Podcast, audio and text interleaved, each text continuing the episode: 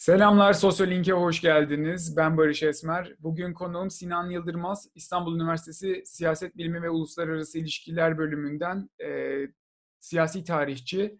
E, selamlar Sinan, hoş geldin. Selamlar Barış, nasılsın?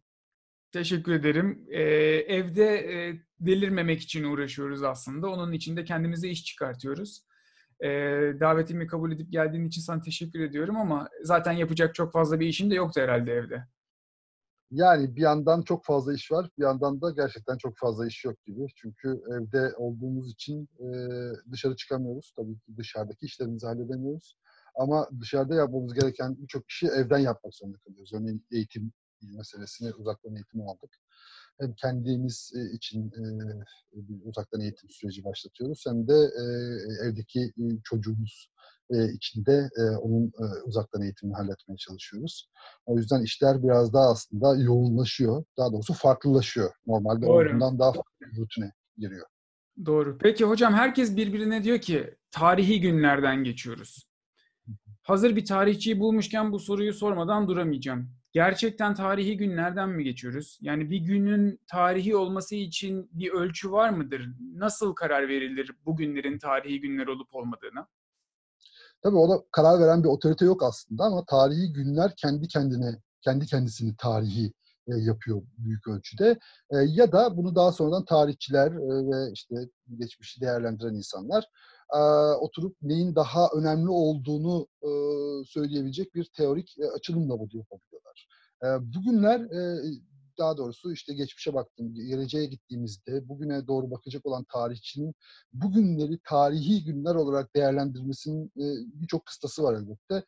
Bunlardan en önemlisi de toplumun büyük kesimini, geniş kesimlerini etkilemiş. Onları e, onların hayatında büyük bir dönüşüme yol açmış bir ana karşılık gelmesiyle ilişkili.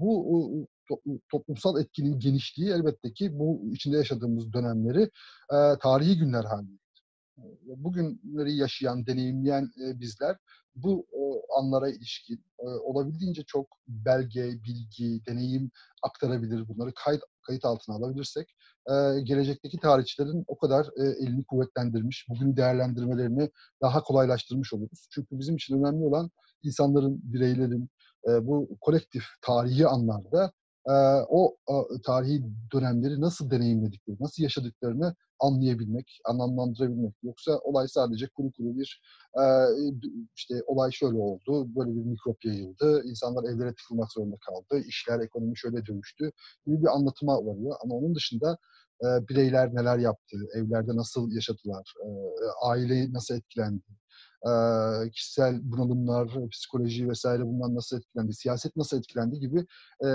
sonuçları görebilmemiz, değerlendirebilmemiz için olabildiğince fazla veriye ihtiyacımız olacak. Biz de evde kaldığımız sürede herhalde bunu boş durmayıp oldukça toplamaya çalışıyoruz. Evet. Peki aklıma hemen başka bir klişe geliyor.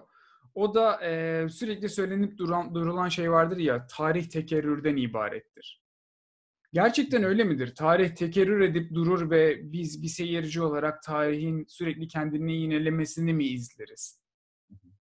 Elbette yani bu bireylerin, kişilerin aklında böyle bir geçmişe baktığımızda aa çok benziyor bugüne, aa işte gerçekten de tarihte olan olaylarla bugün yaşananlar birbirinden çok da farklı değil gibi bir e, algıyı e, ortaya çıkarabiliyor. Çünkü bunun en temel sebebi e, bu e, tarihi yaratan insanlarla bugün yaratan insanların aynı insanlar olması. Daha doğrusu bütünlüklü bir şekilde baktığımızda hepimiz insanız. Yani insanın kendi varoluşundan kaynaklı bir döngüsellik e, var. Bazı olaylara, e, bazı e, vakalara benzer tepkiler veriyor.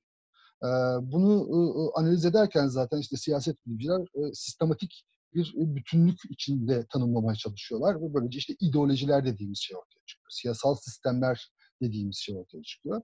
Tarihçiler de bunların bu anlarda yani siyasal sistemlerin ve ideolojilerin e, nasıl hareket ettiği üzerinden o geçmişteki e, durumları değerlendirebiliyor. Böylece e, o siyasal sistemler, ideolojiler günümüzde tekrar karşımıza çıktığında aslında iş biraz tekrar ediyormuş gibi bize geliyor. Aslında o sistematik e, ideolojinin, siyasal sistemin e, benzer davranmasıyla e, kaynaklı, benzer davranmasından kaynaklı bir e, görüntü. E, tabii ki hiçbir zaman, hiçbir zaman aynı e, olmuyor. Hiçbir zaman e, tarih eskiden yaşandığı gibi tekrar etmiyor.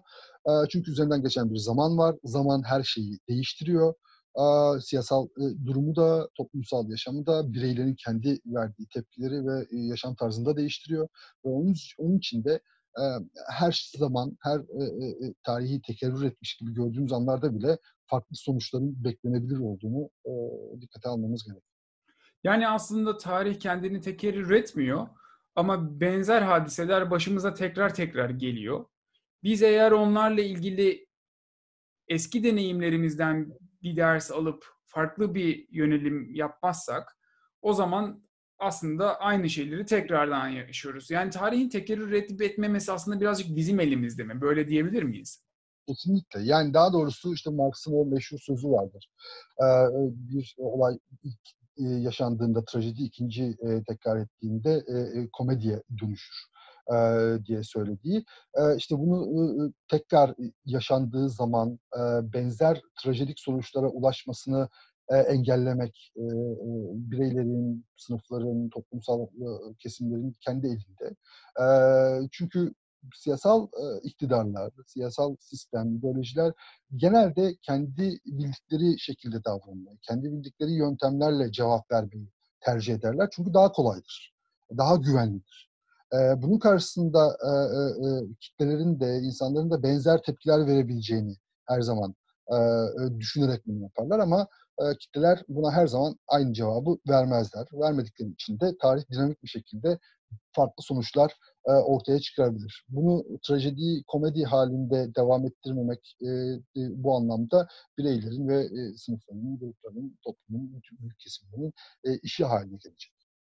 Peki bugün yaşadığımızın bir trajedi mi yoksa bir komedi mi olduğunu anlamak için birlikte bir egzersiz yapmaya çalışmaya davet ediyorum seni. Ee, biliyorsun 1918-20 arasında dünyanın tarihte e, kayıtlı en büyük salgın hastalığı yaşanıyor. İsmine de İspanyol gribi deniyor. E, İspanyol gribinin e, 18 ayda 50 milyonla 100 milyon arasında insan öldürdüğü tahmin ediliyor. E, öldürme oranı %15, oldukça yüksek. E, ilk vaka Amerika'nın New Mexico e, eyaletinde ortaya çıkıyor. E, bütün dünyaya yayılıyor ve o kadar ki Osmanlı bile aslında e, İspanyol gribinden etkileniyor. E, şimdi eğer İspanyol gribinin öncesindeki tarihsel resmi sırasında nasıl e, ele alındığını ve nasıl bununla baş edilmeye çalıştığını, nasıl bir bedel ödendiğini ve sonrasında dünyayı nasıl değiştirdiğini anlayabilirsek o zaman o trajediden bugün artık bir komediye döndük mü yoksa oradan gerekli dersleri aldık ve bugün dersine iyi çalışmış bir e, dünya olarak mı e, işlevimizi yerine getiriyoruz? Belki bunu e, tartmamız daha kolay olabilir. E, nereden başlayalım? İstersen 1918 ve öncesindeki dünyanın resmini şöyle kabaca bir çizelim. Zannediyorum dünya Birinci Dünya Savaşı'na doğru e, hızla gidiyor.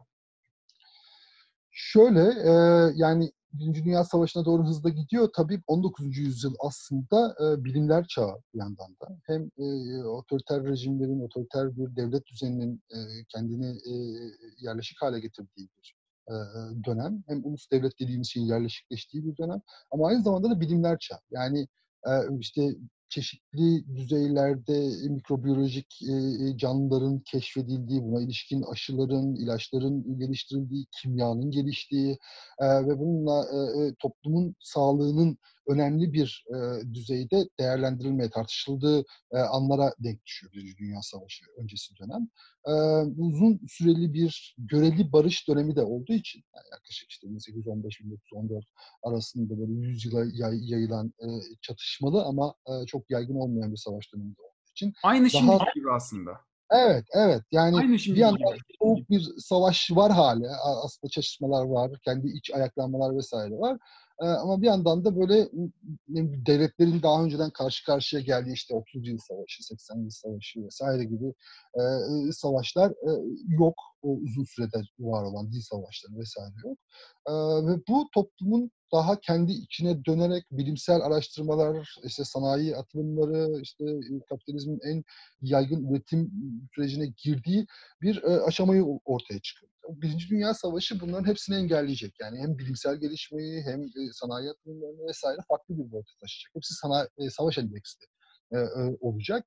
E, savaş endeksli olduğu için de çok farklı sonuçlara yol açacak. Mesela geçenlerde okuduğum bir çalışmada şunu yazıyordu. İspanyol gribiyle savaşın ilişkisi nasıl tanımlanabilir diye.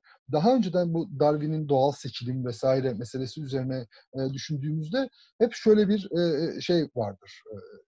yani sağlıklı insanlar işleri, güçleri idare ederler ve salgının işte dışarıda yayılmasını engellerler. Çünkü sağlıksız olanlar hastanelerde veya işte karantina altında tutulduğu için bu sefer şey yayılmaz. Söyleyin, salgın yayılmaz. Ama Birinci Dünya Savaşı'nda bunun tam tersi olacak. Sağlıklı insanlar cephede olacaklar ve ölecekler. Sağlıksız insanlar hastanelere ve tekrar toplumun içerisine gönderilecek. Ve savaş sırasındaki o aşırı hijyen yoksunu ortam düşünüldüğünde işte siperler, oradaki işte fareler, lağım vesaire her türlü işte toplu yaşamadan kaynaklı çöpler vesaire tamamen mikropların üremesine uygun bir ortam sağlayacak aslında ve e, tam tersi bir sonuca yol açacak. Yani Darwin'in doğal seçilimi işte sağlıklı olan e, daha yaşar veya işte e, hastalıklı olan evde e, kendini yok eder ya da işte sonlanır hali tersine dönecek hastalıklı olan toplumun içerisine salınacak, e, sağlıklı olan savaşta ölecek. Ve bunun sonucu daha da yıkıcı hale gelecek. Yani bu insanlar savaştan kaynaklı olduğunu düşündüğümüz, henüz tam olarak nereden çıktığını tam bilemediğimiz, örneğin işte New Mexico deniyor, işte Çin diyen var yine, Avustralya diyen bile var şey açısından, bu İspanyol gribinin nereden çıktığını kaynaklı teorilerde. Ama toplumun içerisine hızla yayılmasında bu sağlıksız bireylerin yani mikrobu kapmış olan bireylerin savaştan uzaklaşarak topluma karışmasının çok büyük etkisi olduğunu söyleyebiliriz. O yüzden karantinanın farklı, yani savaş nedeniyle farklı uygulanmış olması bu şeye e, e, epideminin yaygınlaşmasına çok büyük etken olacak. Tersine bir etken olacak. Peki 1918'den sonra aslında yani savaş bittikten sonra salgının yaygınlaştığını görüyoruz. Burada e, günün koşullarını düşündüğümüzde şöyle bir durum yok mu? Aslında e, ulaşım imkanları bugün olduğu gibi yaygın ve ucuz ve kolay kullanımlı değil. Ulaşmak bir yerden bir yere çok zor. Mesela kıta değiştirmek neredeyse imkansız. Ancak büyük gemilerle e, kıta değiştirme o da e, haftalar belki aylar süren yolculuklarla mümkün oluyor. E, dolayısıyla 1918'de savaş bittikten sonra e, hastalıkla bir şekilde temas etmiş, enfekte olmuş askerlerin ülkelerine dağılması yöntemiyle zannediyorum e, salgın çok daha geniş boyutlarda evet. dünya üzerinde bir egemenlik kuruyor. Aslında bunu bugünle benzeştirmeye çalışırsak eğer aynı az önce söylediğin gibi yani 1918 öncesindeki 100 yılın insanlığın ve kapitalizmin belki de en üretken e, refah dönemlerinden bir tanesinden geçtiğini, bugün de yine e, 1920'den sonra arada bir İkinci Dünya Savaşı kesintisine uğramasına rağmen insanlığın aslında son 100 yılda gerçekten bundan önceki gelişiminin kat be kat aştığı bir üretim, toplumsal ilişki ve teknolojik yenilikler çağına girdiğini söyleyebiliriz. Yani iki dönem arasında bir takım benzerlikler kurabiliriz. Aynı zamanda askerlerin e, hastalığı taşıma yöntemi e, Birinci Dünya Savaşı sonrasında bugün e, yolcuların turistik ve iş için yapıla, yapılan yolculukların virüsü taşımasıyla da yine benzerlik gösteriyor değil mi? Evet benzerlik gösteriyor elbette. Ee, tabii yani yaygınlık düzeyi karşılaştırılamaz. Yani o işte 1918'deki ulaşım imkanlarıyla bugün ulaşım imkanları birbirleriyle kıyas kabul etmez. E, çok daha sınırlı bir e, e, ulaşım var. Ama e, mesele şu, mesela diyelim bir bugünkü turistik veya e, işte iş seyahatlerinden dönen insanlar daha sınırlı bir kesimle temas edebiliyor aslında bakarsanız kendi aileleri. Ama savaş çok daha yaygın bir faaliyet ve döndükleri zaman hatta uluslararası e, faaliyeti çok daha etkin. Yani döndüklerinde işte ne bileyim Latin Amerika'ya, Amerika'ya, e, Avustralya'ya, e, Afrika'ya e, çok daha rahat taşıyabiliyor bu askerler. Çünkü çok daha e, ne bileyim işte bir e, vagon dolusu askeri e, işte 100 farklı aileye göndermiş e, oluyorsun. 100 farklı coğrafyada. Ve bu bir anda inanılmaz bir e, yaygınlığa e, e, kavuşturabiliyor meseleyi. Bir de yani insanların savaş döneminde besine ulaşması yani beslenme güçlüğü çekmesini düşünürsek bu tür salgınlara karşı vücudun direncinin de çok daha azaldığını ve yaygınlaşmasının çok daha kolay olduğunu çok ilginç bir şekilde bu savaş, bu hani tarihsel bir olaydan bahsediyoruz ya yani İspanyol gribi. İspanyol gribini konuşmamız bizim çok daha yakın zamanlara denk düşüyor. Yani ne diyelim 1900'lerin sonlarına doğru, 20. yüzyılın sonlarına doğru tekrar hatırlanan bir şey haline geliyor İspanyol gribi. Ondan önce çok da hatırlanan, bilinen bir tarihsel durum değil. Daha bireysel yaşanmış bir tarihsel durum aslında sorarsan, bakarsan. Mesela yine bir okuduğum kaynakta şundan bahsediyordu. Ee, toplam ölüm üzerinden bakıldığında e, Birinci Dünya Savaşı'ndan kat kat e, fazla. Evet. E, hatta Birinci ve İkinci Dünya Savaşı'ndan da toplamından da daha fazla olan bir e, ölüme sahip. Çünkü en muhafazakar yorum 50 milyon kişiden bahsediyor. Bunun işte 100 milyona falan çıktığından da bahseden var. Ama hiçbir yerde bir İspanyol gribi anıtı yok. Hmm. Ya da İspanyol gribiyle ilgili bir anma günleri yaşanmıyor. tarihte hatırlanan bir şey haline gelmemiş. En ilginç kısımlarından bir tanesi belki de bu. Daha e, kolektif bir ölümle tanımlanan, işte bir kimlik yaratan e, bir e, tarihsel o, o, olay olmasının ötesinde bir anlamı var. Daha bireysel yaşanmış bir e, olgu ve insanların buna karşı verdikleri tepkiler de daha sınırlı kalmış bu anlamda kendi kimliklerinin bir parçası haline getirmemişler. Bu çok enteresan. Çünkü 50 ile 100 milyon arasında insanın ölümünden bahsediyoruz. Yani gerçi bu, bu aralık da bana çok garip geliyor. Yani 50 ile 100 milyon gibi bir aralık hani tarihsel pencereden baktığımızda kabul edilebilir bir hata aralığı değil yani. Arada o 50 milyon fark var. ee, o dönemin vakan nüvisleri çok da iyi kayıt tutmamışlar gibi gözüküyor aslında bakarsan. Evet. Ee, ama gizlemek temel orada. Yani bilgiyi gizlemek e, çok da fazla güçsüz olduğunu ortaya çıkarmamak istiyor devletler. E, bu yüzden de zaten hani İspanyol gribi olması da bundan kaynaklı biliyorsunuz işte çok bilinen bir gerçek artık.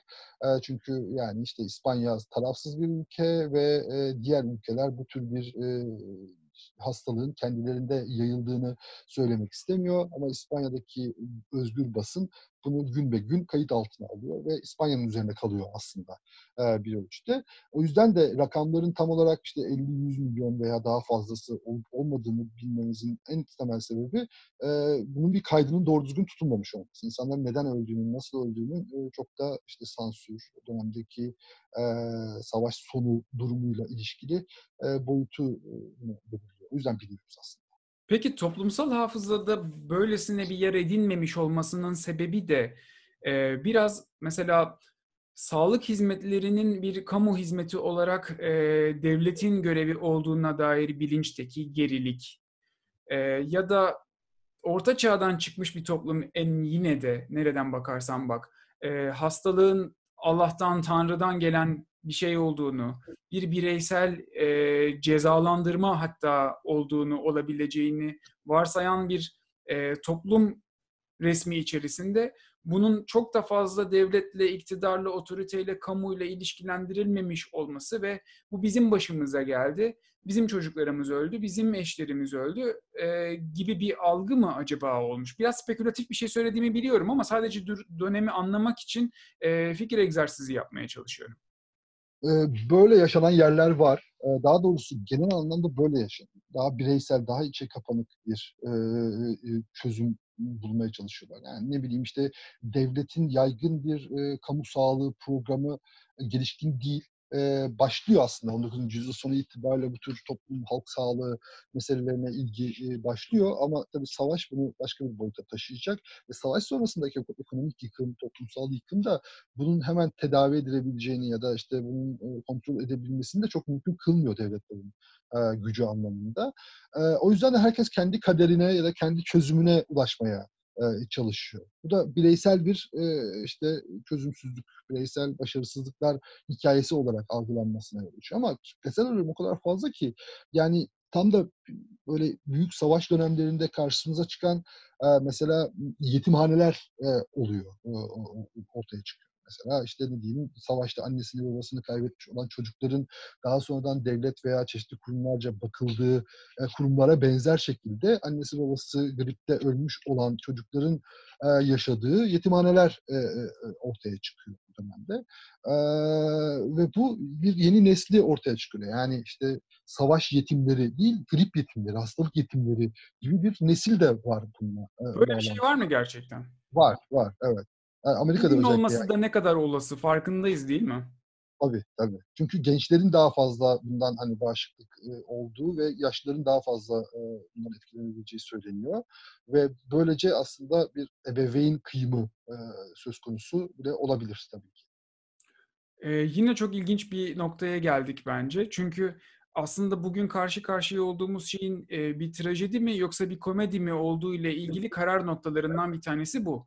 Yani bundan tam 100 yıl önce dünya küresel çapta etkili olan ve 50 ile 100 milyon arasında insanı öldüren bir salgın karşısında e, bu salgından devletlerin, otoritenin, kamunun sorumlu tutulmadığı, e, yaygın, ulaşılabilir, kaliteli sağlık hizmetinin olmadığı ve talep dahi edilmediği, belki akla dahi gelmediği bir ortamdan bundan 100 yıl sonra aslında bunların neredeyse hangi ülkede yaşıyor olursa olsun, hangi kültüre ait olursa olsun standart olarak bir hayat standardı olarak herkesin e, sağlık hizmetlerine ulaşmakta, e, halk sağlığından devletin ve e, kurumsal yapının e, sorumlu olduğunu kabul etmekte anlaştığı, uzlaştığı bir noktada bugün yine görüyoruz ki sağlık hizmetleri yetersiz kalıyor.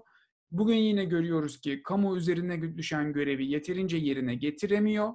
Ee, peki daha önce bu bireysellikle ve işte Tanrı'dan gelen bir e, bireysel ceza olarak algılanarak e, belki aşılmıştı bu problem ve kapitalizm kendisini salgın sonrasında tekrardan var etmeye, bir takım e, tavizler vererek halk için kamu sağlığı yatırımları yapmaya ama kendisini yine var edip serpilip çoğaltmaya devam etmişken bugün artık bu bilinçte olan halkların bu salgın sonrasına ilişkin e, tasavvuru, dünya tasavvuru kapitalizmin kendisini daha önce yaptığı gibi yeniden yenilemesine ve başka bir formülle var etmesine mi sebep olur?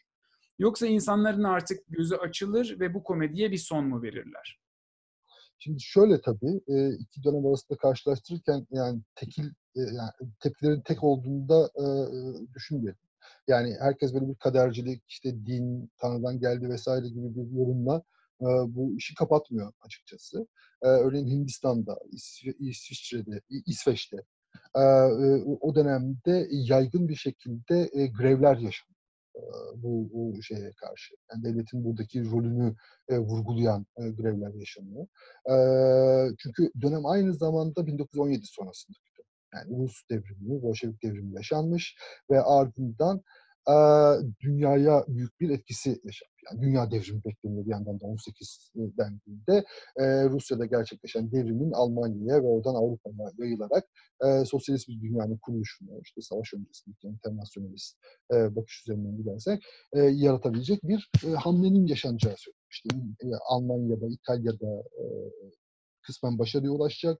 E, e, Fransa'da, İngiltere'de yoğun bir şekilde grev dalgasına yol açacak. Ve bunların her birine aslında bir ölçüde de bu etkide bulunacak. Yani bu grip, e, İspanyol salgını e, bu şeylere de devletin buradaki yetersizliklerine de e, vurgu yapan bir yerde olacak ama başat olmayacak. Başat olan şey e, işte savaştaki bu insanların neden öldüğünü sorgulaması ve ardından iktidarları bundan sorumlu tutmasıyla başlayan e, sosyalist bir yeniden kuruluşun e, gerekliliğine dair ayaklanmalar olacak. Ama mesela İsveç'teki, İsveç, İsveç veya İsviçre tam hatırlamıyorum şu anda, e, tam da bu işte devletin sağlık politikalarının yeterli olmamasından kaynak yani yeterli bir düzeyde almadığı için geniş bir e, grev dalgası e, başlayacak.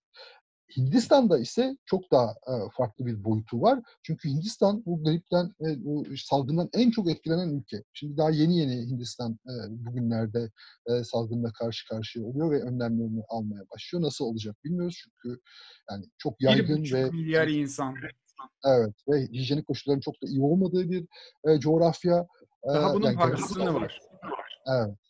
Ee, ve e, aynı şekilde İspanyol gribi salgınından en çok etkilenen ülke e, Hindistan. Yani 17 milyon kişi ölecek sadece Hindistan'da.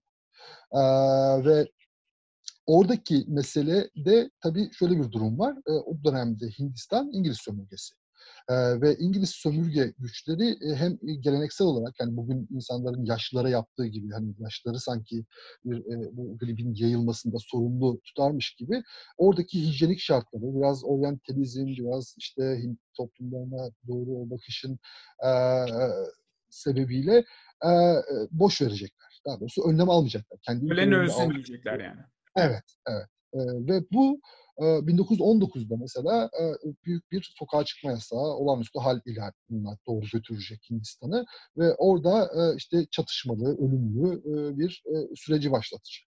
Ve bu aynı zamanda Hindistan bağımsızlığının başlangıcı olarak da tarif ediliyor. Bunu doğrudan tabii yığılarak ilerleyen bir etkisi var yani. Sömürgeciliğin, İngiltere'nin Hindistan'daki konumunun vesaire bir etkisi var ama bir yandan da İspanyol gribi oraya doğrudan bir etkide de bulunuyor. Yani işte bu sürecin hızlanmasına belki de etkide bulunuyor. O sömürgeci merkezin yeterli önlemi almaması gerekçesiyle.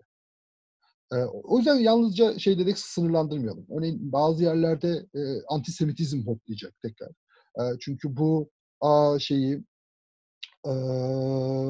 salgını Yahudilerin çıkardığı söylenecek ve bazı yerlerde Yahudi katliamı yaşanacak ilişkin. E, yani o yüzden insanların verdiği tepkiler e, yani bir suçlu, bir günah keçisi arama hali de bugünküne benzer bir şekilde. Yani o kadar ki, çok benziyor ki anlattıklarım aslında. Yani bugün ha, şu anda şu anda birileri e, bunu bir biyolojik silah olarak Çinlilerin çıkarttığını söyleyerek bir çeşit antisemitizm, bir çeşit ırkçılık yapıyorlar aslında bakarsan. Diğer taraf... Aynı şey bu hani e, e, Trump'ın sürekli olarak bunu bir Çin gribi, Çin, Çin virüsü, Çin virüsü deyip durmasının tam olarak Yol, karşılığı bu evet. aslında bakarsan. Diğer taraftan, diğer taraftan birileri aynı 18. yüzyılda olduğu gibi e, hani bunun Tanrı'dan gelen bir e, uyarı olduğunu muhtemelen bir yerlerde konuşuyor bugün. Ee, yine benzer şekilde bir takım ülkelerde bunun e, kamunun sorumluluğu olduğunu ve kamunun sorumluluğunu yerine getirmediği için greve gitmemiz gerektiğini konuşuyoruz büyük ihtimalle. E, e, aradan 100 yıl geçti. Yani çok fazla bir şey değişmemiş gibi gözüküyor. Acaba buna o zaman e, trajedi değil de komedi diyebilir miyiz? E, komedi haline getirmemek, daha doğrusu bu eski trajediden e, bir sonuç çıkararak ona müdahil olabilmek e, insanların elinde. Yani daha doğrusu hani bu neden hatırlanmıyor kısmı aslında bahsettiğimiz gibi bu işte bireysellikle ve bunun kolektif hale getirilmesiyle ilişkili. Eğer bir tarihsel vakayı bireysel olmaktan çıkarıp kolektif bir mücadele denebilir, bir müdahale denebilir haline getirdiğiniz zaman o süreci bununla ilişkilendirdiğiniz zaman daha hatırlanabilir, daha e, e, gelecekteki insanlar açısından örnek alınabilir bir hale sokarsınız. Eğer bireysel bir e, çabayla bunu çözmeye çalışırsanız e, gidip gitmesine e, örnek alınmasını da engellemiş olursunuz. O yüzden belki de Fransız e, bu şey e, İspanyol gribinden e, alınabilecek olan en büyük ders bu. Yani bunu e, nasıl ki unutuldu bir yüzyıl boyunca neredeyse ve tekrar hatırlanıyor. E, ona benzer bir şekilde unutulmamasını sağlamak için bunun kolektif bir e, süreç olmasını tekrar sağlamak gerekiyor. Ne zaman ne kadar ki e, bu bir işte kolektif talepler, işte sağlığa sağlığa e, ücretsiz ve e, iyi bir şekilde erişim hakkının e, talep edilmesi ve bunun yaygın bir şekilde e, sağlanması için devletlere baskı yapılması düzeyinde gelişirse o kadar e, komedi olmaktan e, çıkacaktır. Hocam çok teşekkür ederim. E, tarihi sıkıcı bulduğunu söyleyenlere ya da tarihin geçmişte bir günlerde yaşanmış bir şey olduğunu ve bugün onu ilgilendirmediğini söyleyenlere cevap niteliğinde bir program oldu. E, çok teşekkürler. E, önümüzdeki haftalarda seninle tekrar görüşmek isteyeceğim. Görüşürüz. umarım beni kırmaz, e, bizi izleyenleri üzmezsin. Zaten evdeyiz. Her zaman buradayız. Bekleriz. Görüşmek üzere.